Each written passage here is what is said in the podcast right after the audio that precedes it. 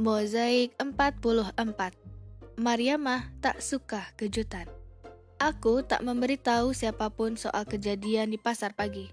Pengkhianatan Aziz ia nyatakan sendiri dengan tak lagi muncul di kantor detektif M. Nur. Ia raib tak tahu rimbanya. Aku makin yakin ketika berjumpa lagi dengan Mitoha. Tanpa tedeng aling-aling, ia mendesak. Kau bawa ke mana diagam-diagam itu, boy? Apa itu operasi balang sembah? Aku kaget dan tentu saja tak menjawab. Mitoha kesal, tapi maklum bahwa apa yang kami lakukan tidaklah menelikung aturan. Menyelidiki kemampuan lawan merupakan suatu tindakan profesional dan keniscayaan yang mestinya dilakukan setiap pecatur. Terang benderang semuanya, Mitohala yang telah mengirim orang untuk membuntuti dan merampas tasku. Aku tak berniat memprotesnya, aku hanya gamang. Tapi juga kagum akan skenario persekongkolannya. Sesungguhnya tempo hari Aji sengaja dibuatnya kalah secara pahit dan seolah diperlakukan secara tidak adil oleh klub di timur matahari dengan tujuan sebenarnya agar dapat disusupkan ke klub kami. Sebuah intrik kelas tinggi yang licik. Mengerikan sekali akibat yang bisa ditimbulkan oleh lima gelas kopi. Aziz berhasil membongkar operasi belalang sembah. Mata-mata yang dimata-matai, itulah yang telah terjadi pada detektif M. Nur. Dalam situasi perang dingin, ia mengalami suatu keadaan yang disebut sebagai kontraspionase. Lelaki kontet itu gemas bukan buatan. Aku tengah melamun di ambang jendela waktu Jose Rizal hinggap di kawat jemuran. Kudekati ia dan aku heran melihat gulungan kertas di kedua kakinya, biasanya hanya di kaki kanannya. Kubuka gulungan kertas di kaki kanannya. Mendapatkan ikal kawanku, sudilah kiranya memaafkan kesalahanku atas kejadian Aziz dan Mizi. Memang tak tahu adat sekali orang itu. Tertanda M. Nur yang menyesal. Lalu, pesan apakah di kaki kiri Jose Rizal itu? Aku berdebar-debar, kubuka gulungan pesan itu. Mendapatkan ikal kawan majikanku. Sudilah kiranya memaafkan kesalahanku atas kejadian Aziz dan Mizi. Memang tak tahu adat sekali orang itu. Tertanda Jose Rizal yang menyesal. Oh, rupanya detektif M. Nur telah membuat permintaan maaf pula atas nama Jose Rizal. Kedua surat kubalas lewat suatu pesan untuk dua permintaan. Mendapatkan M. Nur dan Jose Rizal, usahlah dirisaukan soal itu. Tertanda Ikal yang pemaaf.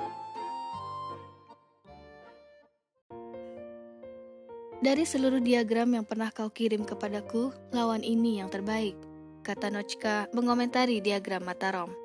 Terus terang kawan, harap jangan tersinggung. Terkejut juga aku mendapat diagram semacam ini dari kampungmu. Ternyata ada pecatur hebat di sana. Ia sisipkan emotion wajah tersenyum dengan lidah melet. Orang ini menyerang dan bertahan sama bagusnya. Teknik pembelaannya lengkap. Teknik pembebasannya efektif. Sejujurnya, secara teknis ia jauh di atas Mariamah. Tubuhku meriang. Biasanya ada celah lemah paling tidak tiga langkah jika seorang pecatur mengubah strateginya. Ini disebut kelemahan momentum. Orang ini sudah profesional, ia mampu mengatasi masalah akibat perubahan momentum strategi itu. Gayanya mirip Grandmaster Ludek Pachman. Mulutku rasanya pahit, dengan lemas kutanyakan apa yang harus dilakukan Mariamah. Harapan terletak pada kekuatan sistem bertahan benteng bersusun yang telah ia kembangkan sendiri itu. Belum pernah sebelumnya Grandmaster memberi ulasan sepanjang itu. Sulit bagiku memberi nasihat teknis untuk menghadapi lawan sekuat finalis ini.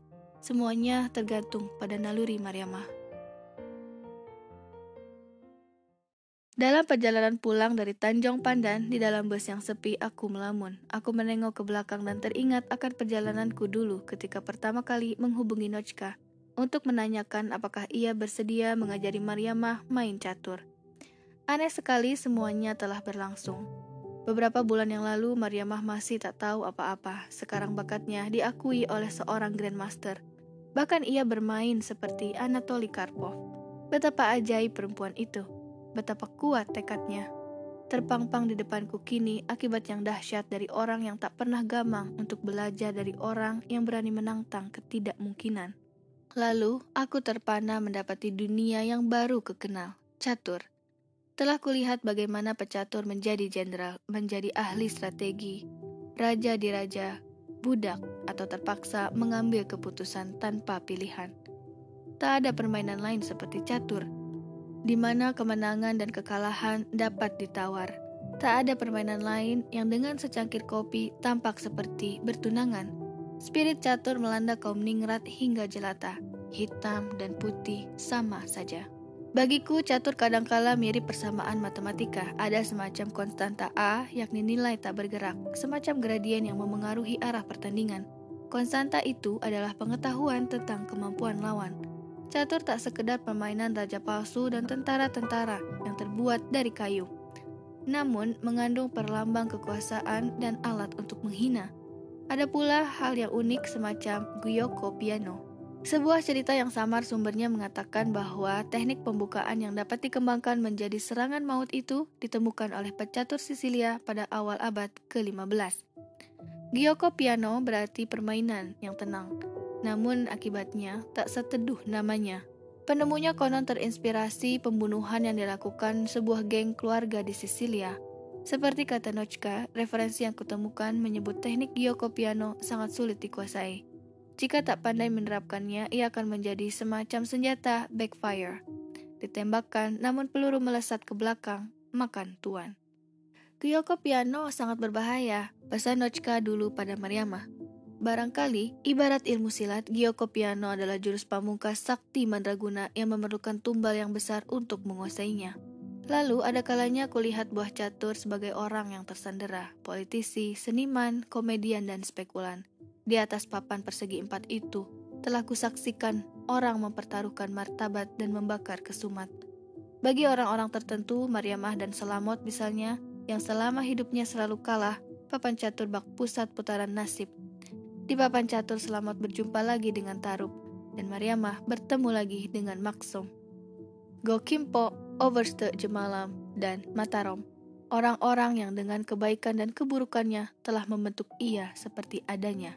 Di papan catur, Selamot dan Mariamah mendapati kerinduan menemukan penawarnya, utang budi menemukan terima kasihnya, ketidakadilan menemukan timbangannya. Di papan catur, kedua perempuan yang kalah itu menemukan kemenangan demi kemenangan. Lamunan yang panjang membuatku tak sadar bahwa bus reot yang kutumpangi telah memasuki gerbang kampung. Di sebuah jalanan yang sepi, aku minta berhenti. Aku berjalan melalui padang yang terhampar di sebelah kanan dan gulma yang lebat di sebelah kiri. Di ujung jalan setapak yang panjang itu tampak olehku sebuah rumah berdinding kulit kayu lelak dan beratap daun nanga. Sunyi, senyap. Mariama yang hidup sendiri setelah ibunya meninggal sedang menyapu pekarangan waktu aku tiba. Kami duduk di beranda. Kusampaikan padanya diagram-diagram catur instruksi dari Nochka untuk menghadapi Matarom. Dan kusampaikan pula ucapan selamat dari sang Grandmaster atas keberhasilannya masuk final. Juga kukatakan bahwa akan ada kejutan, seorang sahabat yang jauh akan datang untuk menyaksikan pertandingan final itu. Mariamah senang, namun ia mendesakku untuk memberitahu siapa orang itu. Katanya ia tak suka kejutan. Ia mendadak diam dan memandangi sebuah sepeda yang tersandar di sudut ruang tengah rumah. Lalu ia berkisah padaku tentang hadiah kejutan ayahnya untuk ibunya dulu, pada hari ayahnya meninggal. Ia menatapku. Aku ingin memenangkan pertandingan final itu, boy. Suaranya berat. Ia tampak tak sabar ingin mengakhiri perjalanan epiknya dari seorang pecatur yang dipandang sebelah mata ke puncak kejuaraan.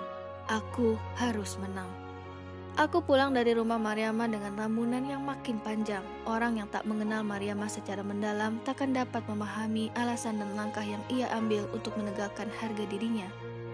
Melalui Mariamah, aku belajar menaruh hormat pada orang yang menegakkan martabatnya dengan cara membuktikan dirinya sendiri, bukan dengan membangun pikiran negatif tentang orang lain. Lalu aku berpikir, Seumpama catur, hidup sedikit banyak bak reaksi atas pilihan sulit yang silih berganti, memfait accompli manusia, dan alasan selalu lebih mudah dilupakan ketimbang akibat. Selanjutnya, kulalui hari demi hari dengan dada bergemuruh menunggu pertandingan final. Kadangkala terasa cepat dan kadangkala rasanya amat lambat. Keduanya bermuara pada siksaan. Malam sebelum pertandingan sama sekali tak dapat tidur Jose Rizal hinggap di beranda rumahku. Boy, apa pun yang akan terjadi besok, Bagiku, Mariamah sudah menang. Membayangkan Mariamah menjadi juara membuatku ingin menangis. Terima kasih telah mengajakku dan Jose Rizal dalam petualangan yang luar biasa ini. Sahabatmu selalu, M. Nur dan Jose Rizal.